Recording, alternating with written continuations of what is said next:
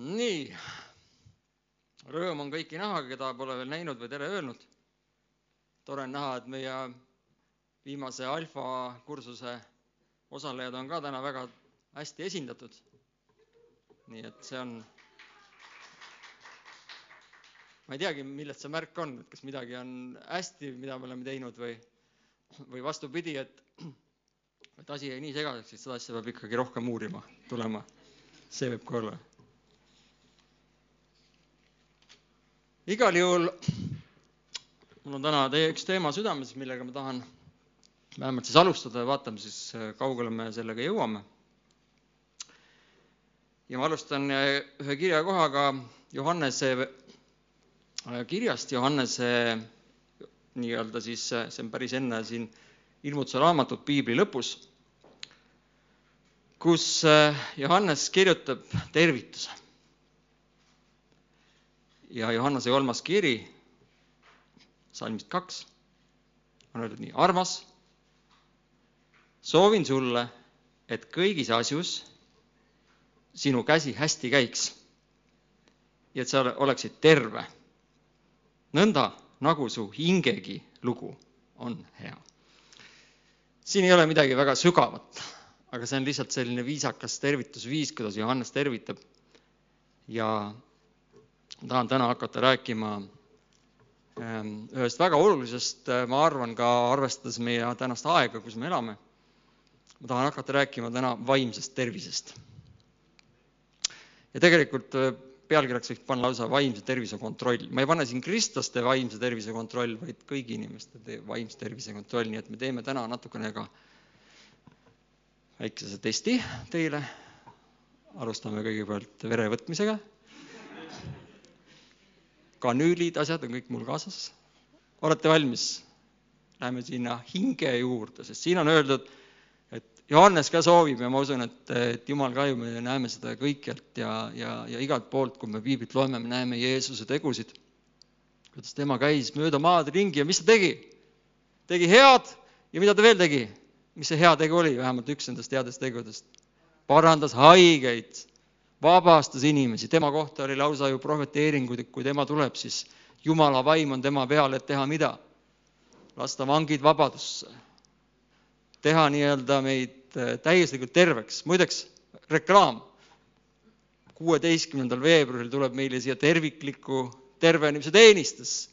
ja ma arvan, et see on ka selline TTT, see, mida nad on hästi tegemas Eesti erinevates paikades, kirikutes, nüüd see jõuab meile siia mis tähendab seda, et see tuba läheb arvatavasti rahvast jälle täis, siin tulevad kõik kaamerad, värgid, särgid, meie enda ülistus on väljas, meie enda inimeste tunnistused.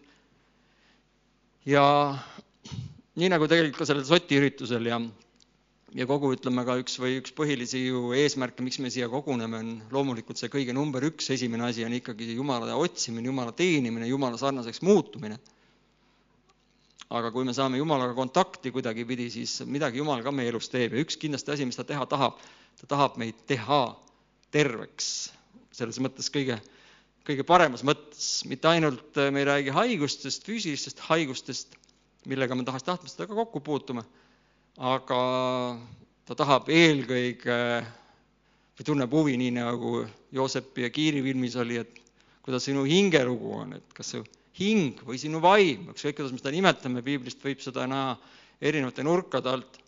me ise natukene neid asju eristame, et nagu hing on natukene nagu üks asi ja vaim on nagu teine asi, aga aga kui me loeme piiblist ka seda, et, et sinu hingegi lugu hea oleks, siis tegelikult mida ta mõtleb, on see, et sa oleks füüsiliselt terve, aga samas, et sa oleksid ka seespidi vaimse inimese või hingelise poole pealt terve. ja uskuge mind selles, selles asjas olen ma küll elus äh, piisavalt näinud, et see veel, et sa käid kirikus, see veel, et sa piiblit loed või see, et sa vahel Jumala poole pöördud või, või tuled siia ja, ja, ja lihtsalt äh, oled nii-öelda selline pühapäeva või kirikus käija kristlane, siis see veel ei tähenda või ei garanteeri sulle, et sa vaimselt terve oled.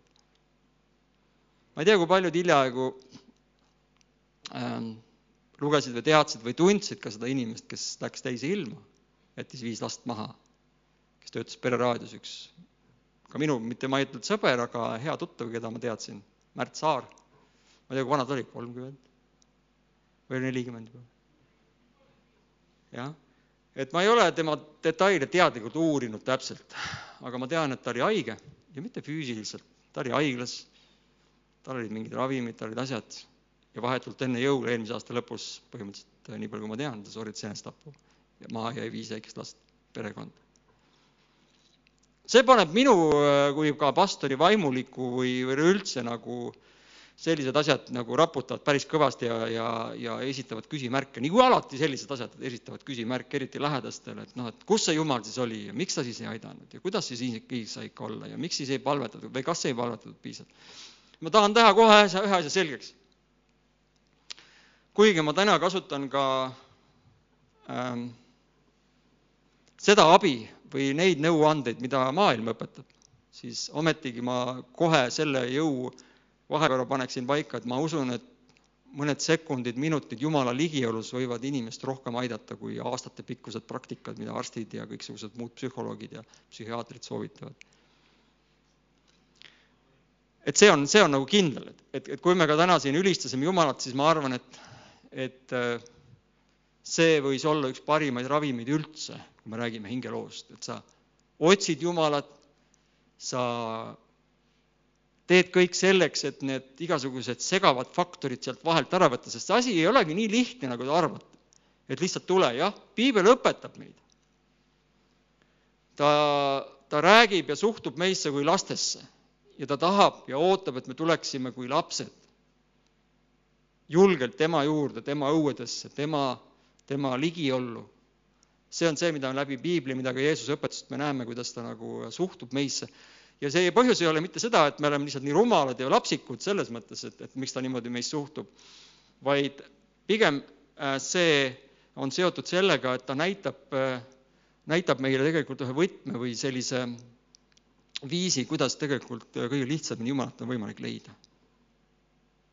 mis on laste ja täiskasvanute vahe? Nad on avatud, nad on siirad, nad usaldavad, nad on haavatavad. kui nad midagi teevad, siis nad teevad täiega. meil on siin üks uus ülistusliige, eks, me oleme nüüd ta tiibu natukene kärpinud, aga sealt tuleb, tuleb varsti, sest tema, kui saaks, ta võtaks kõik instrumendid üle ja, ja kui ta teeb, siis ta teeb täiega. ja see on tegelikult meil õppimise koht, kui me ütleme siin Viivika, mitte ainult ei higista, vaid juba higistab juba midagi, noh, see siin võib, või sa võid ükskõik mida siin teha, pea peal ka seista ja nõretada ja, ja hüpata või, või ma ei tea, mida iganes. siis ometigi sa vaatad teinekord, et pool rahvast on niimoodi, et noh, okei okay,, laulab, laula, laula, laulad, laulad ilusti, tubli. aga tegelikult see eesmärk ei ole mitte see, et laula ja, ja me kuulame, kui ilusasti see välja kukub, vaid eesmärk on see, et sina võiksid panna oma silmad kinni, lülitada ennast korraks välja oma argielust, sest äh, need asjad, mis meid takistavad Jumala juurde tulemast, neid tegelikult koguneb, eriti vanusega, koguneb järjest rohkem. miks? sellepärast, et me oleme elus saanud haiget või me ei usalda enam nii kergelt kõiki asju või ja teinekord ka võib-olla neid asju, mida Jumal meile ütleb, me võtame kõike reserviga, meile meeldib tasakaal kõikides asjades, me tahame olla normaalsed ja samas on siis, kui me noh, selles mõttes mulle meeldib see idee, mis, mis vahel mõned teevad, lähevad igasugustesse laagritesse, kus tuleb karjuda lihtsalt või noh, nad püüavad neid tšakraid või ma ei tea, mis iganes asju nad püüavad avada. see kõik on paras üks selline noh, asi, millega ma ei soovita tegeleda ja ma arvan, et see kaugele ei vii ilma jumalata. aga kindlasti positiivne pool on see see, et mõni inimene tõesti võib-olla peabki õppima mõnikord karjuma midagi või midagi õpi, õppima ennast mingisuguseid asju nagu avama, mida mis on kuskil siin all ja sa kogu aeg surud ja surud, surud, surud seda kogu aeg järjest allapoole, allapoole, allapoole, allapoole ja ja ajapikku sa muudud tuimemaks ja tuimemaks ja, ja siis, kui keegi tulebki ja ütleb, noh, ava oma süda nüüd. Lähme nüüd Jumala juurde, siis tegelikult see ei olegi enam nii lihtne. ja, ja sellepärast piibel äh, julgustab või õpetab või ta näitabki meile selle tee kätte, et et, et võti on tegelikult sellises lapsemeelsuses. me peame uuesti õppima, avastama kuidas oma südant avada, kuidas panna kõrvale oma mured, probleemid, asjad. ja selleks võib-olla tõesti ei saagi see juhtuda võib-olla ühe, viie või kümne või viieteist minutiga, mõnikord ongi vaja selleks võib-olla nädalaid. võib-olla me peaksime tegema selliseid laagreid, nädalaid. mitte kolm, mitte kolm päeva, aga kolm nädalat näiteks. ma kujutan ette, et kolmanda nädala lõpus nii mõnigi muutub ja mõned tšakrad lähevad lahti. Ja tegelikult inimene võib täiesti muutuda, muidugi noh, ma, ma veel kord ütlen, et need vaimulikud praktikad, nad võivad, võivad midagi meie iseloomus teha, aga, aga jumalat need asjad meie ellu niimoodi ei too. Mis meie elu tegelikult muudavad või mis, mis juhtub, mis juhtub või, või kuidas saab siis teoks see, kus, kus Johannes soovib, et sa oleksid terve ja et, et, et su hingegi lugu oleks hea, et siis et see hingelugu on ikkagi nagu, see hea hingelugu on ikkagi seotud sellega, et kui palju sa suudad ennast äh, avada Jumalale ja kui palju sa suudad neid takistusi eest ära võtta. nõus? olete nõus? nii et veel kord, kui ma kasutan täna mõningaid materjale, ma vaatasin ka, mida, mida räägitakse, meil, ma vist mainisin, vähemalt siin alfa üritusel mainisin, võib-olla siin varem olen ka maininud, et meie eelmisel alfal oli kliiniline psühholoog meie keskel, üks alfakas. Siis me aeg-ajalt kogu aeg nagu igaks juhuks ütlesime, et vaata, et kui me läheme siin väga niisuguseks imelikuks, et siis anna kohe diagnoos, et või et sa nagu jälgi nagu oma professionaalse pilguga, et kui midagi hakkab minema sinu arvates juba natukene sinna teiselt poole, siis anna kohe teada, et me püüame kohe siis nii-öelda tegeleda selle, selle olukorraga, sest ravi algab ka diagnoosist, nii et, nii et äh, vaatame täna, kas nende vaimse kontrolli tulemustena ilmneb ka mõni diagnoos. ja kui ilmneb, siis väga hea, siis me oleme midagi avastanud ja on, on põhjust millegagi tegeleda. niimoodi ähm,. natuke veel sissejuhatuseks, enne kui ma lähen oma asjade juurde. Hebra kiri, kiri Ehm, kolmeteistkümnes peatükk. ma räägin natukene vaimsetest juhtidest. ja ma ei pea silmas ainult mind, Heigot või meid, pastoreid, vaid äh, meil on pastorid rohkem, meil on ka diaakonid ja meil on ka inimesi, võib-olla, võib-olla meie ei ole sinu jaoks mingid autoriteedid, siis, siis võid täitsa rahulikult võtta, aga, aga ometigi sinu kui kristlase või inimese jaoks võiks olla mõni autoriteet see on sinu vaimse tervisele hea ja kasulik, kui sa heas mõttes oled ennast allutanud kellelegi. et sa oled leidnud kellegi, keda sa võid nimetada vaimulikuks emaks või vaimulikuks isaks või vanaemaks, kes natukene teab rohkem kui võib-olla teised, sest üks vaimse tervise äh,, vaimse tervise nii-öelda äh, võtmeks on kindlasti ka see, et, et sa ei ole oma probleemidega, kui sul neid on, üksinda miks me ei räägi neid asju, miks me ei räägi neid siit, siit kantslist või miks me ei räägi neid asju. Äh, ma olen oma solvumist heas mõttes ja tegelikult ega ma ei ütle, et, et see nagu niisugune ähm, pikk solvumine oleks, aga aga ma olen natukene solvunud, kui need inimesed, kellega me oleme koos, keda me nimetame jumala lasteks, üheks perekonnaks, koguduseks, teiseks perekonnaks, teiseks koduks, saad kuskilt küla pealt teada, et, et teine inimene on võib-olla kaks, kolm, neli kuud, võib-olla aastaid millegagi maadelnud ja jõudnud kuhugi, ma ei tea, psühhiaatri haiglasse näiteks, meil oli ühes teises kirikus oli oli inimesi, kes, kes lõpetasid psühhiaatri haiglases. tema seal muidugi ei olnud seda probleemi, ta ei rääkinud. Aga ma mõtlen seda, et kui sa vaatad neid inimesi, kellega sa praktiliselt iga pühapäev kokku saad ja kellega me teeme igasuguseid asju siin, põnevaid asju ja aitame teisi ja ja, ja siis, kui sa kuuled äkki, et et, et see inimene on tegelikult võidelnud millegagi väga pikalt ja meie ei tea sellest mitte midagi. muidugi me võime paluda Jumala mingit ilmutust ja vaimuandeid ja et aga, aga lihtsalt, miks ma seda räägin, ma, ma mitte ei väljenda oma solvumist, vaid ma, ma lihtsalt soovin veel kord, et meie õhkkond siin kirikus võiks olla selline, et, et me julgeksime nagu rääkida oma eludest, enne kui hilja on. ma arvan, et Märdi puhul ei olnud see, ei olnud nagu selles mõttes hilja või noh, et ta ei rääkinud, kindlasti ta rääkis, ta oli ammu juba arstide ja kõigi teiste nii-öelda teade ja hoole all. ometigi tema jäi selle võitluse alla mingil põhjusel ja mina ei tea ja me ei tea ja me ei saagi seda võib-olla kunagi teada, miks, miks see nii juhtus. aga mida ma tean, ma tean, et me täna tegeleme elavatega, ehk siis teiega, meiega. Osad võib-olla ei tea, aga mina olin ka, ma olin siin, ma rääkisin eelmine kord siin natukene oma nii-öelda seiklustest. seiklused olid siis operatsioon, erakorraline, mille tulemuseks ma olen nüüd saavutanud modelli kehakaalu. neli kilo läks nagu niuhti tegelikult pidi olema see mul võistluskaal, kuigi see pole päris see vist. kus kaal hakkab ära minema, mul rasva palju ei ole. Kuigi veel kord ma ütlen, et see, et sa oled täna kõhnas, ei tähenda, et seest rasvane ei ole, sa võid olla seest ka rasvane. ehk siis see võib olla täitsa, kui su elustiil on vale, siis, siis sinu organid võivad ikka olla rasvased ja põhimõtteliselt sa oled ikkagi selline paks magu seestpidi. üks tervisejutt ka kohe juurde, et ma ikkagi pean andma ühe terviseasja ka. Äh, pange tähele nüüd, see üks uusim äh, uuem äh, avastus, mida üks arst tõi välja. Kui sina suitsetad ja samal ajal saad piisavalt kätte oomega kolm rasvhapped, kas siis kalast või siis toidulisandina, siis selle inimese tervis on võrdväärne inimesega, kes ei suitseta ja kes ei võta piisavalt oomega kolme. ehk siis oomega kolme osakaal sinu tervises on ülioluline ja just eriti mõjutab see pikaajaliselt. nii et vutt-vutt-vutt apteeki oomega kolm, kui sa kala ei jõua nii palju süüa. meil on muideks ka var, oma varustaja olemas, oma käpp, Sulev. mina võtan Sulevi kraami. aga Sulev, ma arvan, et äkki tal on ikka mingid sidemed siin naise kaudu või kui talle kirjutada küll saab. mina võin küll öelda, näiteks minul oli niimoodi, et ma olen nüüd pool aastat vähemalt võtnud iga päev praktiliselt. ja kuna mul oli kuiva silma sündroom, noh, said prillid siis ja, ja silmad olid kogu aeg väsinud, siis pidin neid tilkasid panema, see oli jube tüütu. Ja praegult mul enam silmad praktiliselt ei sügele üldse. Ja see ongi puhtalt, noh, see oli silmaarsti soovitus, et kas sa oomega kolme piisavalt tarvitad, ma ei tarvitanud üldse piisavalt. aga nüüd ma igal pool, kui ma kuskil näen, ma võtan kohe kala või igale poole, kus ma saan, ma panen seda oliiviõli peale, nii putrudele, salatitele, otse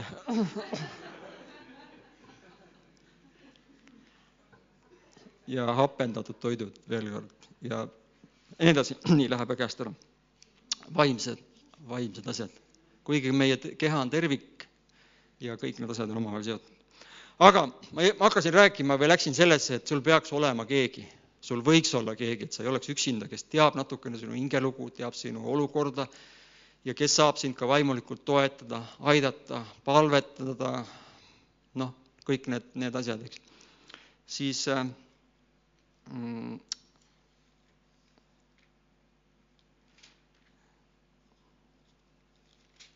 vaatan kohe, veebruar kolmteist.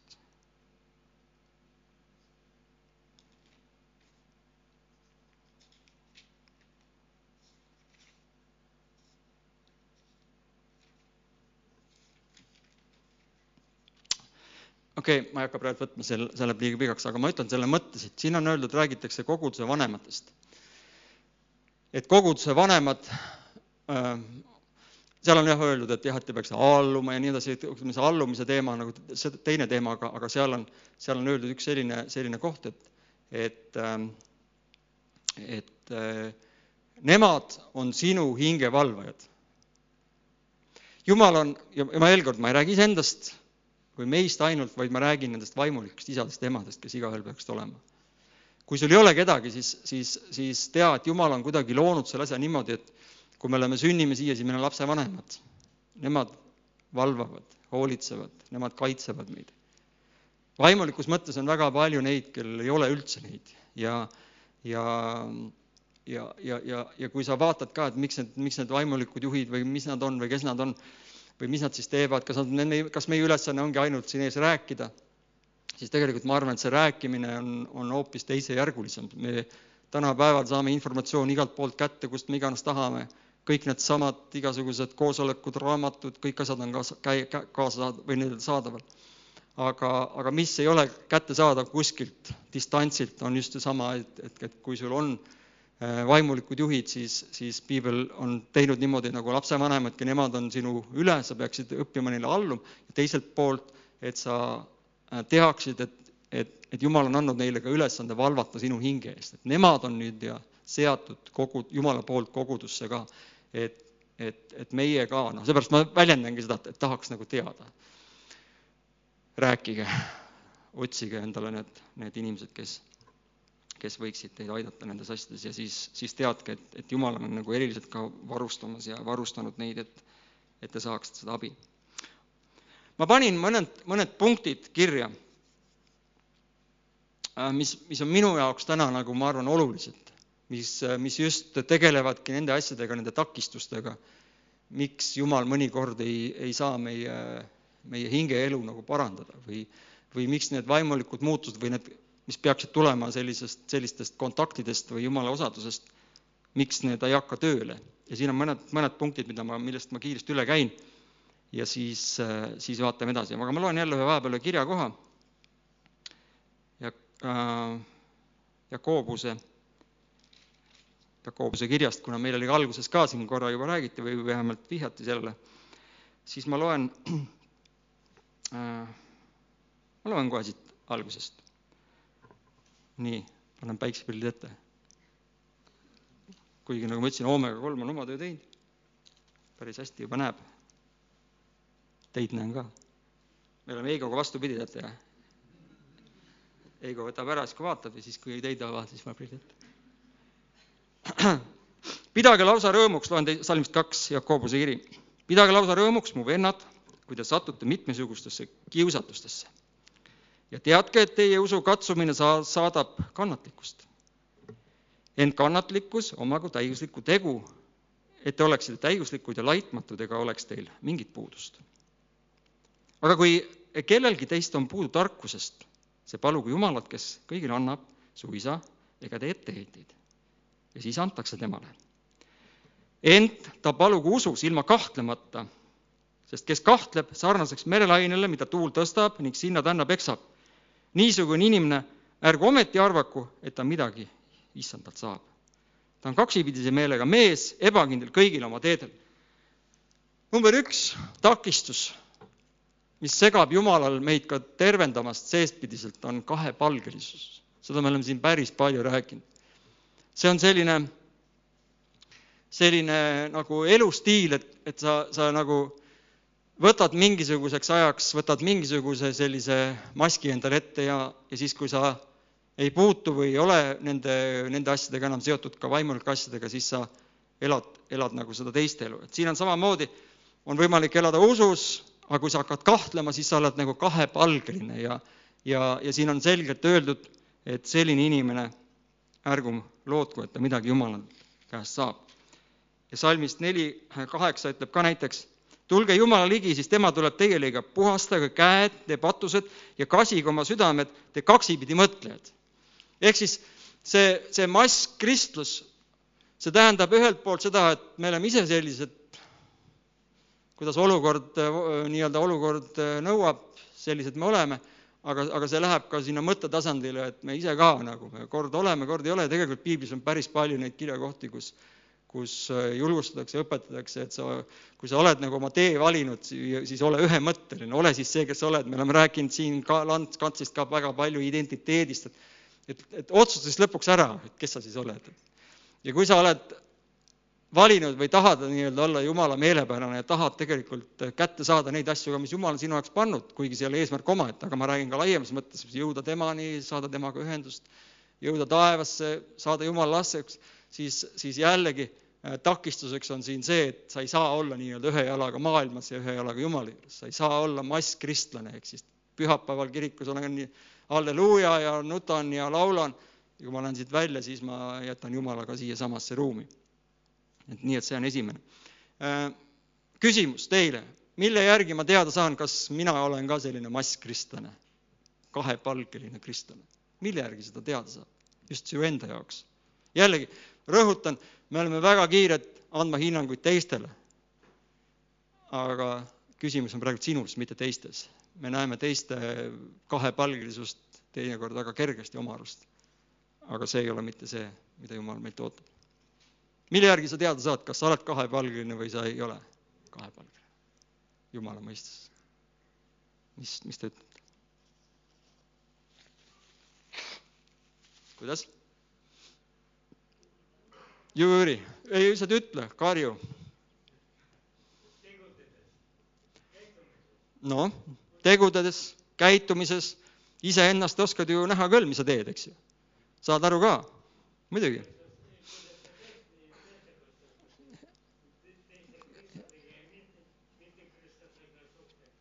hea vaimne tervis paistab ju ka vaimuviljadest, kas pole? vaimuviljad, kuna meil on siin ka äh, alfakaid, võib-olla ei tea, millest me räägime, mis on vaimuviljad. kordame üle, piibel ütleb, aga vaimuviljad on, hakkame ütlema. armastus. nii, küsi, vaata, kas su elus on armastust, mis veel? rõõm, rahu, raha, ei, raha ei ole. pikk meel, lahkus headus, kasinus, tasadus, nende vastu ei ole käsku või seadust, ühesõnaga, et kui sa niimoodi elad, siis sa oledki tegelikult võid olla päris, kuidas? mis on kasinus? see on kasi, see on kasi, kasitud, vaata. et kas sa oled kasimata või oled kasin, tänapäeva keelde. kasinus, jah, pigem kasinus, kasinus jah, enesekontroll on pigem täpsem. enesevalitsus. nii, teiseks, see läheb esimesega kokku. vaata oma elu, kas, kas sinu elu on ja ka kristlasena, kas see on teeniv, kas sa oled alandlik või ikkagi on see jällegi palju, paljudes asjades ainult jäänud sõna tasandile, tegelikult oled sa egoistlik ja sinu eluviis näitab seda eelkõige siin ei ole ju keegi egoistlik, eks? kristlased on ju ainult, mõtlevad teiste peale. piibel on ju täis neid kirjakohti, mis ütleb, et tee seda teistele, mis sa tahad, et sulle tehakse. pane teised esikohale. see on teoorias nii hea on öelda seda, aga praktikas jällegi nüüd mõtle oma elule. kui sul on mingisugused asjad, mis sa saad näiteks või kui sul on mingid hüved või kui sa oled midagi leidnud või midagi sulle kallist või midagi iganes, kas sa siis äh, kas sa siis oled esimese mõttena ka mõtlemas, aga äkki ma saaksin seda kellelegi teisele ka anda või, või esimene mõte on ikkagi alati see, et noh, ühesõnaga neid torisejaid, jorisejaid kristlasi on meil meie seas ka päris palju, kes kogu aeg virisevad, et midagi on vähe või midagi on puudu või midagi on valesti. see tihtipeale peegeldabki seda egoismi, et ta on ainult huvitatud sellest, et tema elu hästi läheks, et tal, tal, tema vajadused oleks täidetud. suhetes noh, tööalaselt. muidugi, siin on teine äärmus ka, et sa ei pea olema nagu põrandamatt, kes kõik üle käivad ja oma elu ei ole sul üldse. jumal tahab anda sulle ka häid asju ja, ja asju, mida sa võid nautida elus. aga, aga jällegi ma tulen tagasi selle esimese mõtte juurde, et see mõtteviis peaks olema eelkõige selline, et, et kas ma elan sellist isekat, egoistlikku elu või olen ma pihta saanud Jumala iseloomule ja see on see, et ta mõtleb teiste peale eelkõige ja ta tahab, et teised inimesed saaksid abi. kõik meie kiriku tegevused, väljaspool kirikut, need toidupanga asjad, me ei saa selle eest ju palka, ma mõtlen, kes seal toidupangas käivad või Ant, Ants, sul on muidugi ra-, mis palganumber on viimasel ajal selle tänavatööga, noh, Ants ei saa ka kopikatki, pigem annab oma kopikad kogu aeg ära, eks ju. noh, jumal teab, me ei peagi tõstma isi, inimesi siin esile, aga lõppkokkuvõtteks on, on see, et eh, jumal kunagi vaatab ja ütleb, et noh, palju sa siis nagu endal elasid ja palju sa teistel elasid, see on jällegi üks üks selline nagu äh, takistus, miks Jumal mõnikord ei saa meile ligi või, või miks ta ei, miks me ei saa temaga seda kontakti või, või miks me vaim, vaimselt või oma sisemiselt ei ole piisavalt terved. järgmine punkt on mul, et kui palju tegelikult Jumalal on sõnaõigust sinu elus. jällegi, lihtne on öelda, pane Jumal esikohale kõik, kas me oleme kõik nõus sellega? kõik ütlevad aamin, jess, muidugi, jumal esikohale. reaalsuses, ma olen seda jälle siin sada korda öelnud, reaalsuses näeb seda, kas Jumal on sinu esikohal, kuhu sa kõige rohkem oma aega panustad, kuhu sa kõige rohkem oma energiat panustad, kuhu sa kõige rohkem oma raha äh, panustad ja nii edasi, ütleme sellistest jällegi sinu elu käitumistest on tegelikult näha, äh, kui tähtis see Jumal sul siis tegelikult on et äh, jällegi ma ei ütle, et siin on jälle see tasakaalust võib minna välja ja võib minna äärmustesse. et äh, arved tuleb ju ära maksta ja, ja, ja vahepeal võid minna sööma ka välja ja, ja teatrisse ja, ja spordivarustus tahab uuendamist, kes kellel, mis, mis mida, eks ju. mõni tahab reisil ka käia, see on muidugi juba väga suur patt, kui sa reisile ka lähed, mõtle, mis summad sinna läheb. ja uute autode omajatest me üldse ei räägi, eks ju. aga aga, aga saad sa aru, et, et, et, et kui sa, nii lihtne on öelda, jah, jumal, sa oled esikohal minu elus. ja siis hakkad mõtlema või jumal hakkab näitama või rääkima või, või, või paluma sul võib-olla mingeid väga väikseid asju teha ja siis ma ei tea, nojah, võib-olla kunagi homme, et noh, ma kindlasti, jumal, sa näed, ma tahan, ma tahan, ma tahan. noh, no taha, tahtmine on üks asi, eks ju, aga käitumine, tegud, teod on nagu teine asi ja see, see kindlasti on jällegi takistuseks, sest uskuge mind jällegi me tuleme tagasi selle vaimse tervise juurde, siis Jumala ligipääs meie eludesse sõltubki sellest, kui palju me ta siis ligi laseme. ja, ja need asjad on tegelikult, mis hoiavad teda eemal, sa ju küll ütled, et sa tahad, aga tegelikkuses on asjad, mis on nagu valesti, sest Jumal on kutsunud sind lepingusse, me oleme rääkinud siin eest ka lepingust, Uue Testamendi lepingust, kui me täna tuleme, meil on täna armulaud. armulaua võtavad kõik kristlased, kes on siis otsustanud, et nad tahavad Jumalaga lepingu teha. sa saad aru sellest lepingust, leping ei ole kunagi ühepoolne, see ei ole ainult see, et meie palume ja Jumal teeb. vaid Jumal ka palub. Jumal ootab, et ka meie midagi teeksime. ja need on need punktid, millest me räägime siin, mis tegelikult peaksid olema nagu tehtud. järgmine punkt on, kuidas reageerida oma südametunnistusele. ehk siis seda me kristlastena võime ka öelda, et mitte kristlastele me räägime lihtsalt südametunnistusest, aga kristlastele me räägime, et see on see koht, kus Jumal nii-öelda siis juhib meid. ja kuidas sa reageerid südametunnistusele? südametunnistus on nagu heas mõttes vaimulik politsei, mis on Jumala poolt meile antud. ehk siis, kui sa oled vaimulikult terve, siis sa saad aru, kui sa kellelegi haiget teed oma ütlemise käitumisega.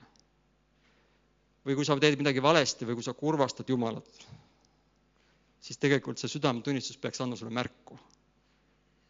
Ja siis on jällegi sul valida, kas sa kuulad, parandad, teed midagi, muudad midagi või teine variant, mida, millega me kõik oleme ka kindlasti teinud, me vaigistame seda südametunnistust, me ei taha sellega mingit pistmist teha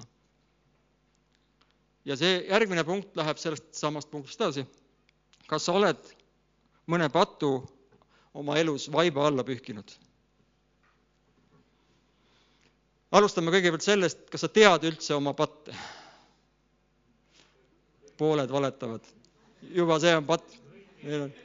kõike vaata ei tea, aga, aga räägime sellest, kas sa tead oma noh, nõrkasid kohtasid, kuhu sa jälle ja jälle ikkagi kukud on need tagarääkimised, on need andeksandmatused, on need valetamised, on need äh, kuidas iganes kaasaegselt neid nimetada, igasugused lubadused, mida sa ei täida. et veel kord, mina ega Jumal ei ole selline, kes on kondine näpp kantsist, me seda kasutame ikka seda näidet, et tema ei ole see, kes sind süüdistab, kurat on see, kes sind süüdistab, hingevaenlane on see, kes süüdistab, see, kes tahab su hinge puruks teha, see, kes tahab sind põrgusse saata, see, kes tahab sind Jumalast eemal hoida. Tema on see, kes süüdistab ja paneb sulle koormaid ja, ja tahab teha sinu tunde ja elu nii viletsaks, et sa lihtsalt kukudki ära ja lõpuks oledki kuskil äh, kriisis, depressioonis, kus iganes. Ja väljatulek sealt on peaaegu võimatu või raske.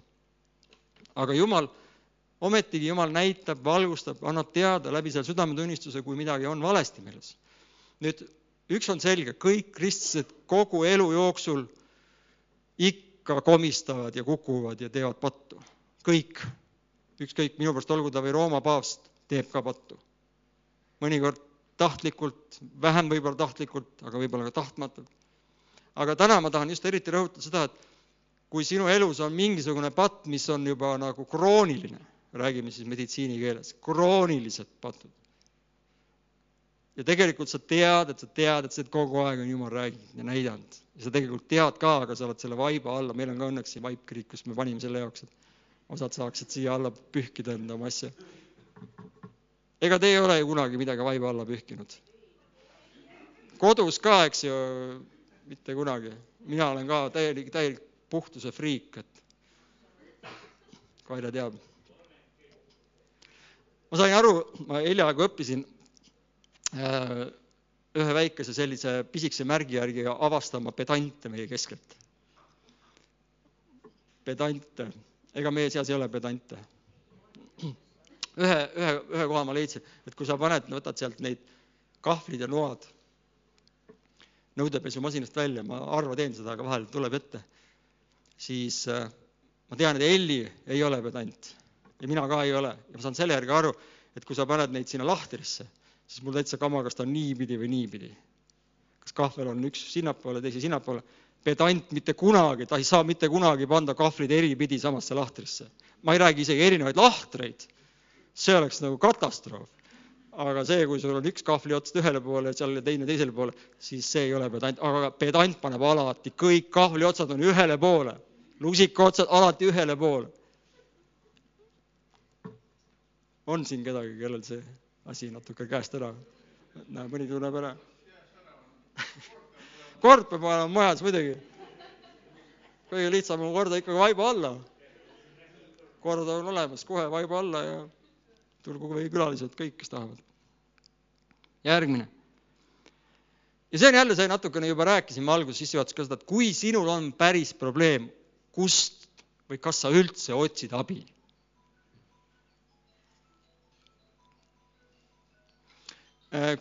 kui on meil meditsiiniline abi, no loomulikult me läheme perearsti juurde, me oleme kodanikud, meil on omad süsteemid, eks ju, kus me abi saame. aga ma räägin, et kui sul on ka need vaimulikud või hingelised asjad või kui sul on olnud lahkuminekuid või sul on suhte purunemisi või sul on töökoha kaotusi või, või tõesti sa oled äh, võitlemas depressiooniga, mis on ka võib-olla natukene ka geneetiliselt seotud, kuigi, kuigi elustiililt on see rohkem, siis vahet ei ole, need asjad ei ole mitte süüdistuseks, ma, ma isegi mõtlesin, mul oli tegelikult üks teine teema ka, mõtlesin, et võib-olla räägiks pikemalt. Äh, on elus, kui me näeme oma vaimulikku elu, siis, siis paratamatult me liigume edasi, nagu, nagu minu see lemmik äh, TV-kanal on see Rimi kassalint. see on üks põnevamaid kanaleid, mida ma vaatan teate, millest ma räägin? muidugi tegelikult see kanuu on ka lahe, aga mulle tundub, et nad petavad neid. kanuu on, kanuumatk on ka tegelikult selline vaatamine. ja tegelikult see, see kamina vaatamine on ka see, et kui sa paned nagu kamina, see kamin põleb, see on ka hästi hea kanal. aga ma arvan, et nad on natukene petnud meid sellega, et nad tegelikult mitte kunagi kuhugi välja ei jõua, nad lasevad kümme sekundit, siis paned klõps jälle uuesti samasti, klõps uuesti, siis on, et kui kanuu ka sõidab, siis kogu aeg sõidab, kogu aeg sõidab, aga tegelikult kogu aeg kümne sekundi pärast, see kümme sekundit, noh, ja kogu aeg oled sama koha peal, noh, aga siis aru sa vaatad, et kogu aeg sõidad ja niisugune zen-tunne on, et lahe. aga kassalindiga muidugi põnev, sest vahepeal kassa pealt ei tule midagi sealt lindi pealt. aga siis, kui hakkab tulema, siis on jube põnev. aga miks ma seda rääkima hakkasin?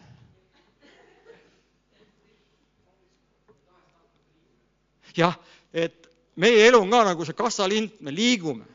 meie elu kogu aeg liigub mingis suunas.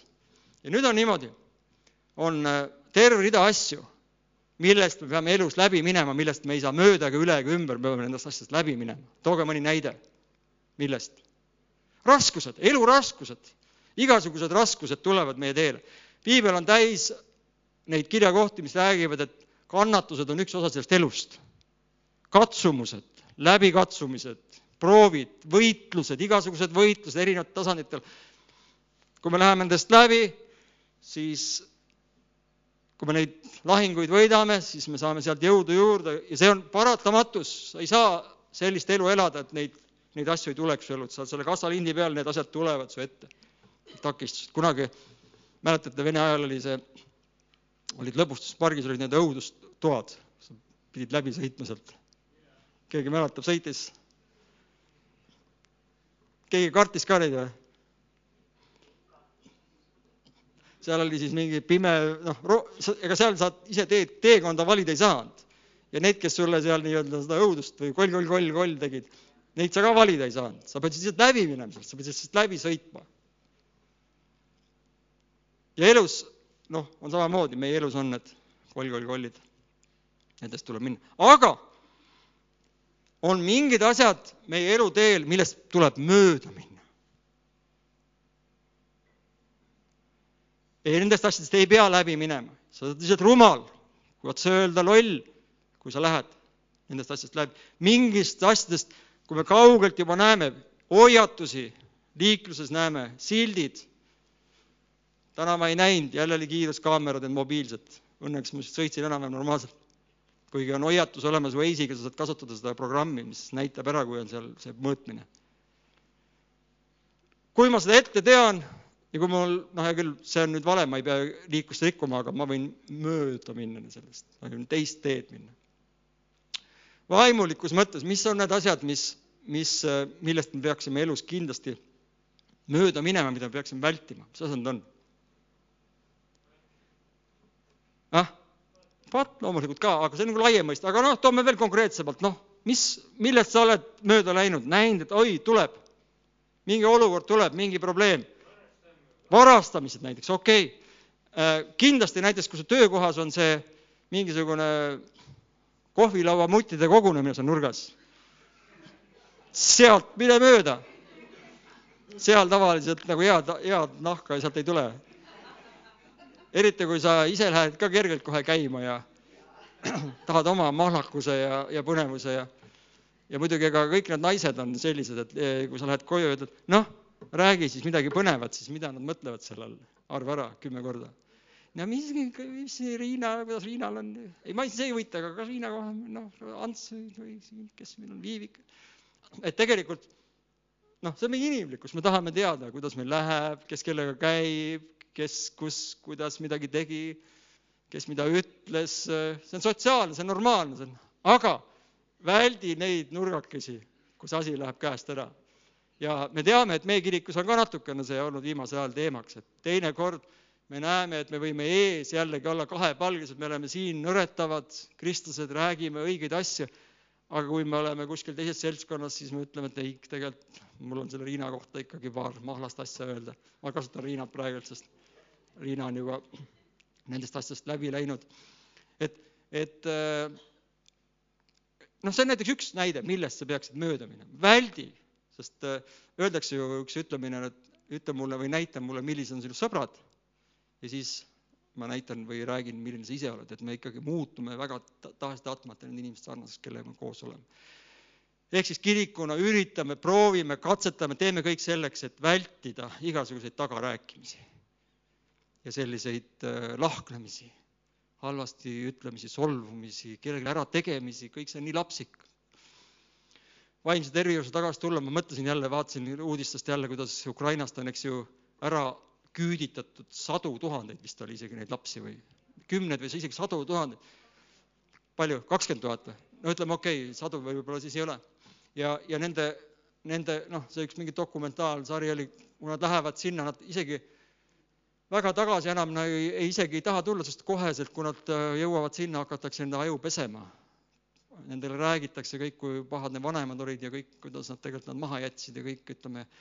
ja see on kõik nii vale, noh et see on, see riivab õiglustunnet, eks. see toob tagasi meie enda küüditamise ajad, eks ju.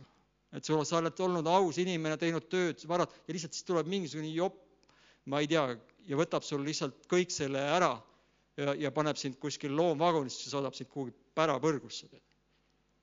ja sul ei ole mitte midagi teha, mitte mingit õigust või lased, lastakse maha sind lihtsalt, lihtsalt nägu ei meeldi. lihtsalt mõni inimene, kes läheb peast soodaks, rikub ära tuhandete ja miljonite inimeste elusid keegi ei vastuta selle eest. ja valu ja kõik need kannatused, mis sellega kaasnevad ja kõik see mõttetus, siis see on vaimsele tervisele tohutult nagu noh, raske, koormav kannatus. ehk siis minu soovitus on, et väldi, mine võib-olla mõnikord mööda nendest uudistest, mitte seda, et me võtame külmalt neid asju, aga kui sa oled selline hingelisem inimene, noh nagu mina, pisarlaugel kogu aeg käin ringi, eks ju, siis siis ma pean hakkama piirama oma elus teatud asju, ma ei saa seda negatiivset, ma ei saa kõike seda ennast läbi, noh, me vaatasime hiljaaegu tahmafiltrite teemat, et mingi hetkel saab see tahmafilter läheb umbe lihtsalt, kui sa suudad seda ära puhastada või jumal ei suuda ära puhastada. nii et lihtsalt mõtle nende peale, mõtle enda asjade peale, et mingid asjad on vältimatud, me peame nendest läbi minema elus ja mingid asjad, väldi neid, mine ümber, mine kaarega, mine nendest mööda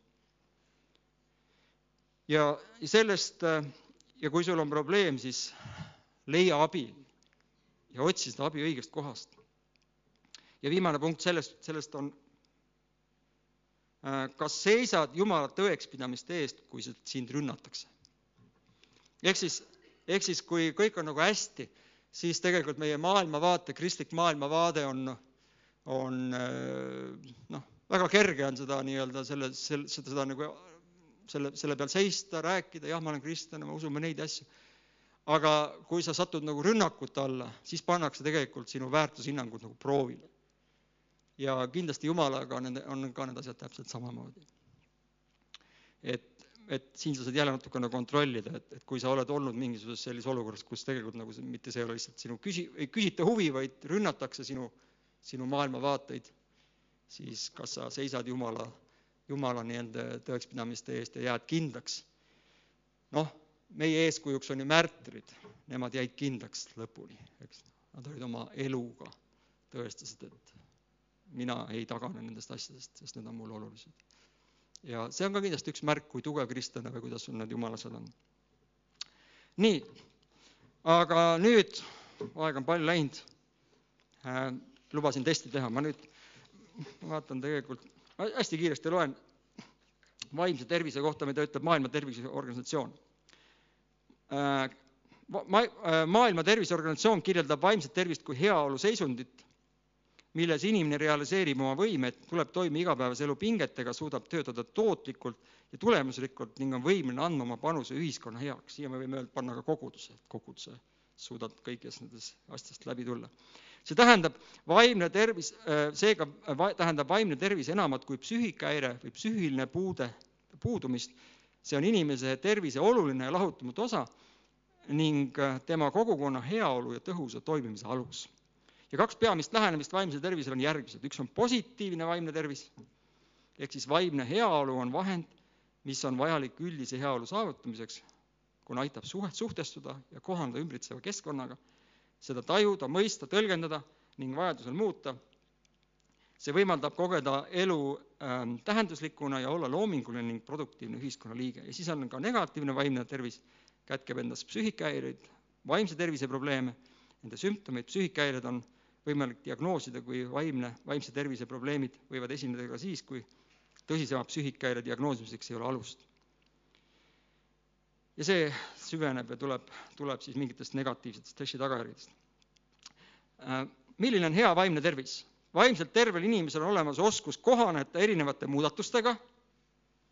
pange tähele, see on see, millest me oleme läbi tulnud, meil on, meil on, mida, meil on olnud vajalik kohaneda uute oludega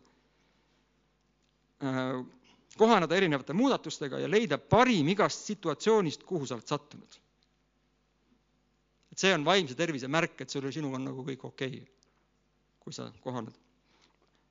hea vaimse tervise tunnused on võime inimestega suhelda, teistest hoolimine ja armastus, see on vaimuõli, võime ja soov vastastikuseks suht-, suheteks ja isiklikeks, isiklike tunnete väljendamiseks, võime õppida, töötada, osaleda sotsiaalsetes eluses või sotsiaalses elus ja taotleda edu, pingutamine raskust, raskuste ületamiseks, oma ärevuse piisav valitsemine, panete tähele, et kõik me oleme ärevad mingil hetkel, aga sa suudad sa valitseda. korvpalliväljakul ma ei suuda, aga mujal ma suudan. kaotuste talumine ja valmisolek elu muutusteks. Äh, mida kehvem on su vaimne tervis, seda kergemini sa närvi lähed. ja kui see on nagu seal kaua seal see ärevus olnud, siis äh, mõnikord on väga tühine asi, võib vallandada niimoodi, et sa reageerid tohutult üle. kargad kellelegi kraesse, küüned tulevad välja ja plahvatad. reaalsustaju, mille abil osatakse oma mõttemaailma ja välise tegelikkuse vahel vahet teha ka rasketes olukordades stressi korral. ja sotsiaalne iseseisvus ja hästi arenenud identiteet, oma mina ja järjepidevuse tunne, see tähendab, kes ma olen, kuhu ma lähen. individuaalne loovus on veel üks punkt, ja psüühiline paindlikkus, võime kaitsta end kahjulike tegurite eest ka rasketes tingimustes. võti vaimse, äh, positiivse vaimse tervise juurde on aktiivne tegelemine kriiside, stressi ja raskustega, mis äh, igaühel elus võivad ette tulla. ja probleemidest ma praegu ei räägi. nii, teeme testi äh,. arvutada oskad ühest kümneni, liidad juurde pärast. mul on siin neliteist küsimust. algul teeme seitse ära, siis saame teada teie skoori avalikustada ei pea, aga sa võid oma enda jaoks seda teha. pastakat, paberit ei ole vaja või kui sul on telefoni, võid ka panna. Äh, vastused paned lihtsalt, võtad ühe numbri, üks kuni kümme. küsimus on, küsimused on sellised, et mida sa teed, äh, kui on vastu, äh, kui sa teed seda, mida öeldakse alati, siis on kümme või üheksa paned, kui on aeg-ajalt, siis paned kaheksa-seitse, kui on mõnikord, siis paned kuus-viis, kui on harva, siis neli-kolm ja mitte kunagi on kaks-üks. ehk siis äh, küsimust ei ole veel tulnud. aga küsimuse peale, no, no näiteks ma, ma, see, see nüüd ei puuduta, aga ma, ma, see on niisugune soojendusküsimus, kas sa norskad? nüüd sa paned, seda, seda ära praegu pane, see ei ole vaimse tervisega üldse seotud, võib-olla on ka, aga. jah, teiste, teiste vaimse tervisele oluliselt muutub alati, aeg-ajalt, mõnikord, harva, mitte iialgi, ehk siis kümnest ühe, üheni niimoodi. ka alati on kaks, kümme, üheksa on alati, kaheksa, seitse aeg-ajalt, kuus, viis mõnikord, neli, kolm harva, kaks, üks mitte iialgi. nii, esimene küsimus. ma jätan söögikordi vahele. kas alati, aeg-ajalt, mõnikord, harva, mitte iialgi? ei, lihtsalt mõtle tagasi, jätad söögikordi vahele. nüüd arvesta sellega, et kõige hullem on veel näksimine, kui sa kogu aeg ainult sööd siis sa oled täitsa lootusetu, siis sa võid juba arsti hakata otsima. aga kui sul on söögikorrad enam-vähem paigas, aga sa jätad vahepeal need vahele. nüüd äh, kui sa, kui sa paned mõnikord, siis on kas kuus või viis näiteks. harva, siis on neli-kolm. aeg-ajalt kaheksa-seitse, alati kümme-üheksa ja mitte kunagi kaks-üks. nii, järgmine, liida kokku pärast. ma räägin telefoniga või töötan arvuti taga ajal, kui peaksin magama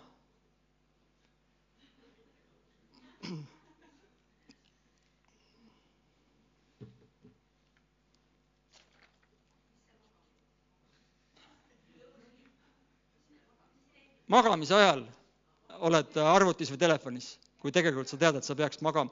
minul näiteks kella või noh, mul on nagu loeb seda track ib nagu või kontrollib, vaatab seda und. ehk et ma ei võta kella praktiliselt kunagi ära.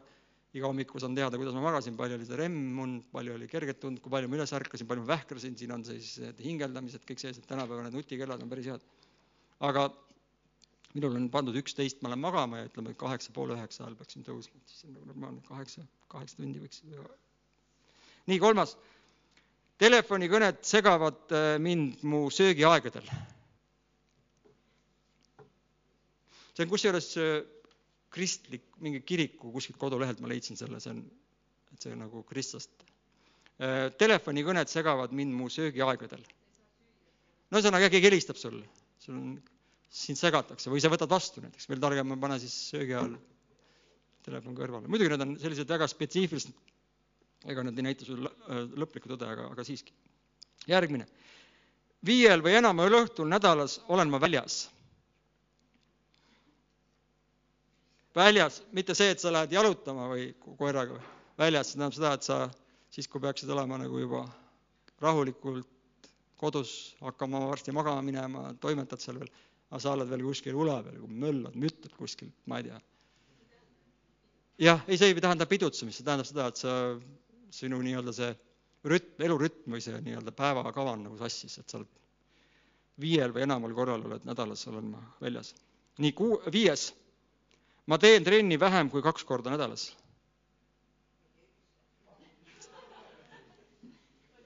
nüüd me saime teada siis, ai, ai, siis sa pead, siis sa paned alati kümme või üheksa. kümme tähendab alati, ma jätan vahele. jah.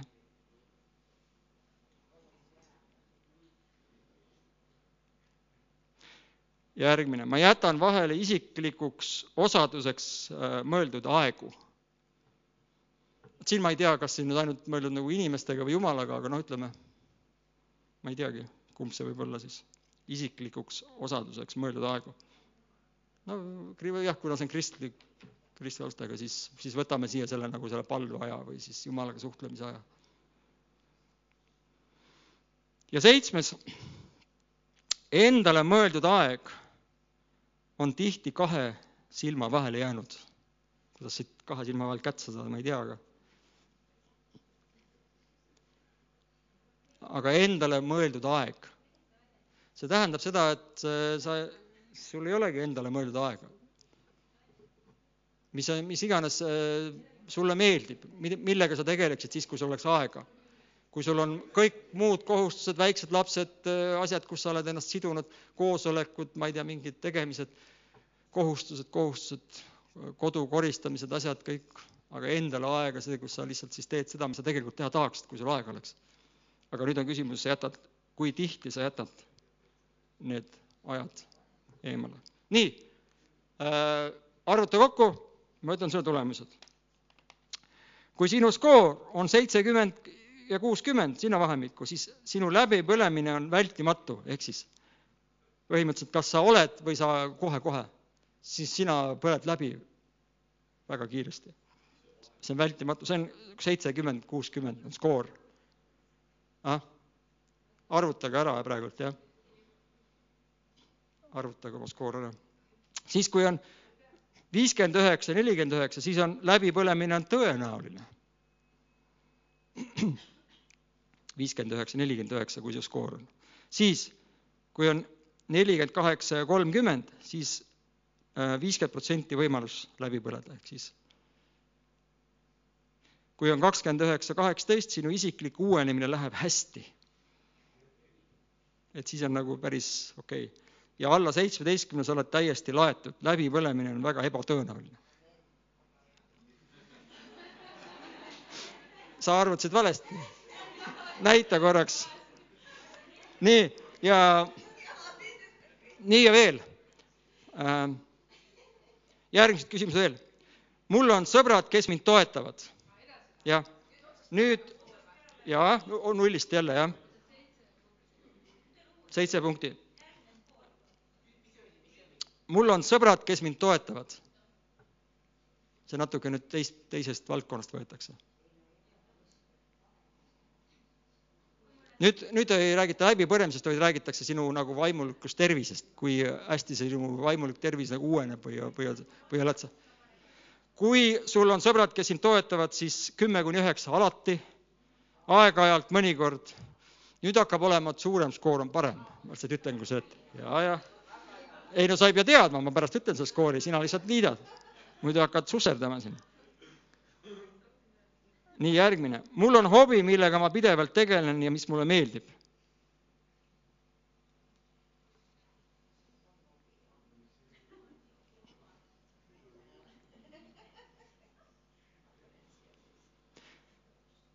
järgmine, ma võtan endale igal nädalal ühe terve päeva vabaks. hingamispäeva jutlus olete kuulnud, et ka Jumal võttis ühe päeva vabaks hingamispäev, see vaba päev võib tähendada ka pühapäeva, kus sa tuled kirikusse. see võib-olla isegi sobiks. jah, mis see vaba päev on? kui see on teleka ees ainult, eks ju, et noh, siis võib-olla ka ei ole kõige parem. ma olen, järgmine, ma olen inspiratsiooni saamiseks, äh, ma lo-, jah, see on paha trükk siin, ma loen inspiratsiooni saamiseks raamatuid. mina näiteks raamatuid loen vähem, aga ma vaatan hästi palju igasuguseid broadcast'e ja asju see läheb ka, ma arvan, ikkagi, kus sa saad seda nii-öelda siis noh, sa kuulad loenguid või õpid midagi. no, no piibel ka, aga pigem siin nagu muid raamatuid ka mõeldakse, et sa ikkagi oled niisugune lugeja tüüp, et sest äh, piibel, mina omal ajal ei lugenud üldse raamatuid muid, sest piibel oli ainus, see oli nagu püha, püha asi ja kui sa midagi muud loed, siis saad nagu mingi maailmavärki saad sisse, see ei ole hea. noh, teadagi tegelikult nii see ei ole päris ja siin ei ole mõeldud ka ainult vaimsed raamatud, vaid üldse, et, et sa loed ja, ja oled laia silmaringiga. või siis veel kuulad raamatuid või kuulad, vaatad, mida iganes, see ei pea olema see, et sa loed. Ehm, ma piiran televi-, televiisori vaatamiseks kulutavat aega. Ehm, vaimse tervise seisukohalt öeldakse, et kolm pool, neli tundi ekraanides olemine, see on see piir. edasi hakkab sinu ajurakud hakkavad hävima või saavad tohut-, tõsiselt kahjustada.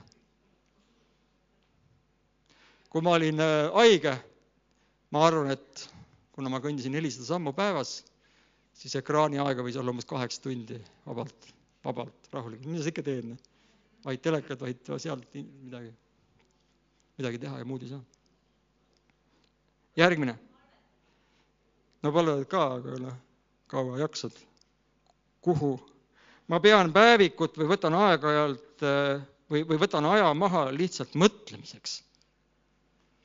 see on olnud minu jaoks alati nagu oluline, mõnikord, kui ei tule und, siis ma mõtlen, siis ma rehitsen oma elu. ja see on tegelikult, ma mäletan, mul lapsepõlvest saadik küljes, et, et, et siis, kui ma olen teiste elu ka võiks ja see oleks huvitavam kindlasti. aga just, et sa nagu käid üle enda asjad ja tegemised paned uuesti mingeid asju paika või korrigeerid mingeid asju, et see on oma aja, oma enda mõtlemiseks. jällegi, millal sa seda teed või kui palju sa seda teed, aeg-ajalt, mõnikord, harva, mitte iialgi. ja viimane, minu piibli õppimise aeg on eraldi minu vaimulikule uuendamisele mõeldud ajast. ehk siis äh, siia tuleb siis nüüd see piibli lugemise asi, et, et minu piibli õppimise aeg on eraldi minu vaimuliku uuenemise mõeldud ajast, sest siin räägitakse nagu vaimulikust uuendamisest, sellest vaimsest tervisest ja siin tahab nagu eristada seda, et üks on see, et sa seal ongi, et kas siis sa seal siis äh, mõtiskled või, või kuulad. no ma arvan, et ikkagi nagu, ikkagi nagu loed ka, et ma ei, ma ei haaraks seda nii, et noh, pigem nagu võtagi nii, nagu sa võtad. sest mina näiteks ei loe üldse piiblit niimoodi, et ma lihtsalt loen. ma ikkagi, ma otsin nagu ikkagi sealt mingit, pigem vähem, aga siis, et mingit nagu mõtet nii, ja skoorid, loe kokku. liida kokku oma tulemused.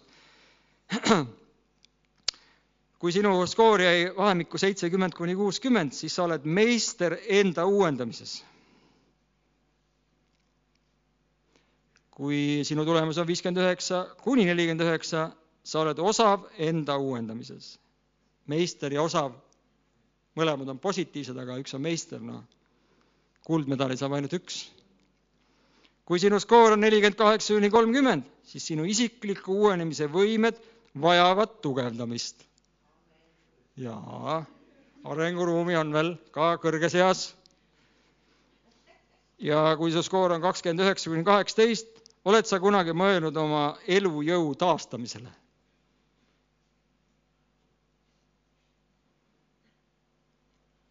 ja alla seitsmeteistkümne nüüd, vaatame, kes niisuguse moosivarga näoga otsa vaatab mulle, sa tormad oma elu ja teenistuse hävingu poole.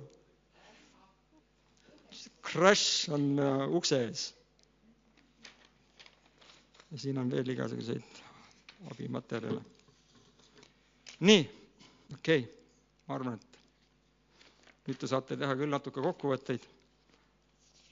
mul on siin tegelikult materjale veel häid, aga jäägu, jäägu need kunagi edaspidiseks. Nii et võtame kokku selle teema. ma alustasin seda juttu sellega, et see, et sa oled kirikus käija, tubli kristlane, elu on näidanud, et see veel ei garanteeri, et sa oled vaimselt terve inimene. meil on ka kiriku seas kahjuks päris palju pingeid, depressiooni, vaimseid häireid ja on natukene selline natukene selline vastustundetu öelda, et noh, palveta rohkem, ülista rohkem, tee vähem pattu, need on kõik väga head asjad, aga uskuge mind, kes on natukenegi depressiooniga kokku puutunud või nende haigetega kokku puutunud, see on üks kõige hullemaid asju, mida sa teed, et võta ennast kokku, noh, vaata, sul on ju kõik hästi, see on üks kõige hullemaid asju. sest need asjad, mis on inimese sees, kuidas nad on, mida, kuidas ta ennast tunneb, kuidas ta on lõksus, segaduses, tal on nii palju küsimusi, aga nii vähe vastuseid igasugune selline patsutus, et noh, mis pole ju tegelikult häda mitte midagi, ma kujutan ette, mine ütle seda sellele Märdile ja tema perekonnale, siis see oli täiesti vastutustundetu. üks, üksi, üks ainus, või ütleme, ainult Jumal mõistab tegelikult, mis meie hinges toimub. ja tema soov on, et me oleme, oleks, et me oleksime vaimselt terved. minu palve on, ärme siis tee teiste vaimulikku tervist veel halvemaks omaenda käitumisega. ja oma pahameelt ära vala teise peale, kui sul endal on paha olla vaid vala see poksikoti peale peksanõusid kodus või võta endale selline suur koer, kes tahabki, et teda pekstakse aeg-ajalt. aga, aga mul oli kunagi, ma rääkisin Lelles, niisugune suur nagu vasikas, pani käpad mul õlgade peale, siis ma tegin kindla maksahaake talle oli, kus ta nautis seda, panin ta ribidesse talle kogu aeg. Endal hakkas ka kohe parem. ehk siis veel kord, ma veel ei taha, ma ei taha kõlada siit kantsist, et ah, see Janek on läinud nii psühholoogiasse viimasel ajal, üldse enam vaimulikku asja ei räägi. vaid pigem me näeme siin toitumisega samamoodi. nii lihtne on rääkida, oi, ei ole midagi, see, need ihuasjad, need on teisejärgulised, et vaimulikused on olulised. ja siis meil on kõrge veres, veresuhkrut, diabeedid, igasugused ülekaalulised, igasugused ärevushäired, mis on toitumisega seotud. Need asjad on kõik omavahel seotud et ma ei ütle, et üks on tähtsam kui teine, vaimulikkused ongi tähtsamad ja tihtipeale need lahendused tulevadki Jumala käest ja need ongi võib-olla hoopiski mingitest teistest, teistest viisidest kui see maailm. aga maailmas on ka palju abi ja tarkust, me ei tohi minna nagu teise äärmusse, sest oleks me nii-öelda stressi ja pinge ja vaimse tervise mõistes esikohal ja, ja depressioonivaba keskkond siin kirikus, siis me ei räägiks üldse nendest asjadest. aga uskuge mind, väga paljud on niimoodi, et nad loodavad Jumala peale, et palvetad veel rohkem, nad veel rohkem teevad seda teist ja kolmandat ja tulekski teha. aga näevad, et valu ära ei lähe. vaimsed asjad kuidagi ei arene, hingelugu on halb, depressioon kasvab. ei oska midagi sellega peale hakata, keegi ei oska mind aidata, ma ise ei oska ennast aidata. palun ka, ei midagi abi ei saa no.. et ma ikkagi usun, et, et see on kombinatsioon Jumala tööst ja ka sellest, mis, mis on tegelikult, kuidas meie ihu funktsioneerib, kuidas meie hinged ja emotsioonid, meie suhted, kõik need asjad kuidas nad toimivad, kuidas ma minevikku hakkama olen saanud. et äh, aitab küll. et ma usun, et, äh, et siit me saame väikse, väikse ülevaate oma ja mõtle, mõtlemisainet oma asjadele ja